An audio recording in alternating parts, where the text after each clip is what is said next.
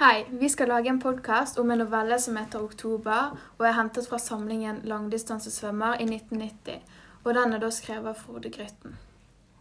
Vi tenker at motivet her er at foreldrene skiller seg, og følelsen hennes rundt det. Eh, vi tenker det er i begynnelsen av teksten eh, høres ut som at foreldrene krangler. Og senere i teksten hører vi faren fortelle at det er det beste, og at han fremdeles er glad i moren. I tillegg er det dårlig vær, noe som gir en dyster stemning.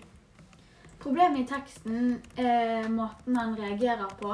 Og det tror vi er fordi eh, i teksten så står det 'tankene glei over ripa og forsvant ned i det urolige vannet'.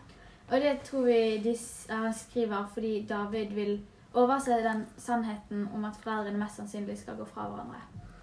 Um, og vi tenker at høydepunktet i denne teksten kanskje er at da når han trakk inn masse garn, og da han trakk inn det siste garnet, var det en laks i det, og det ble som et slags høydepunkt. Og vendepunktet i teksten vil vi si er da når faren hinter til at moren skal, han og moren skal skilles. Og som vi sa tidligere i teksten, om at faren sa at han, at han fremdeles er glad i moren, og eh, at han sier at det, det er bedre slik. Det er jo en åpen slutt, for teksten slutter veldig brått. Eh, og man vet liksom ikke hvordan det kommer til å ende.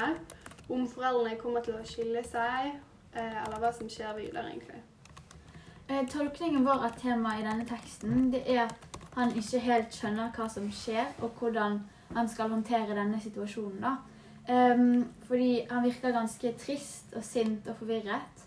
Og dette ser vi um, han, Dette tror vi blant annet fordi at eh, han sier 'slipp meg' til faren, når faren bare prøver å vise at han bryr seg og hjelper han gjennom vanskelige situasjoner.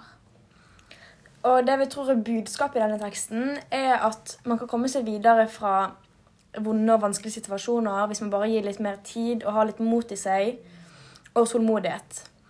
Så dette her var vår podkast om novellen 'Oktober'. Vi håper at du likte den. Takk for oss!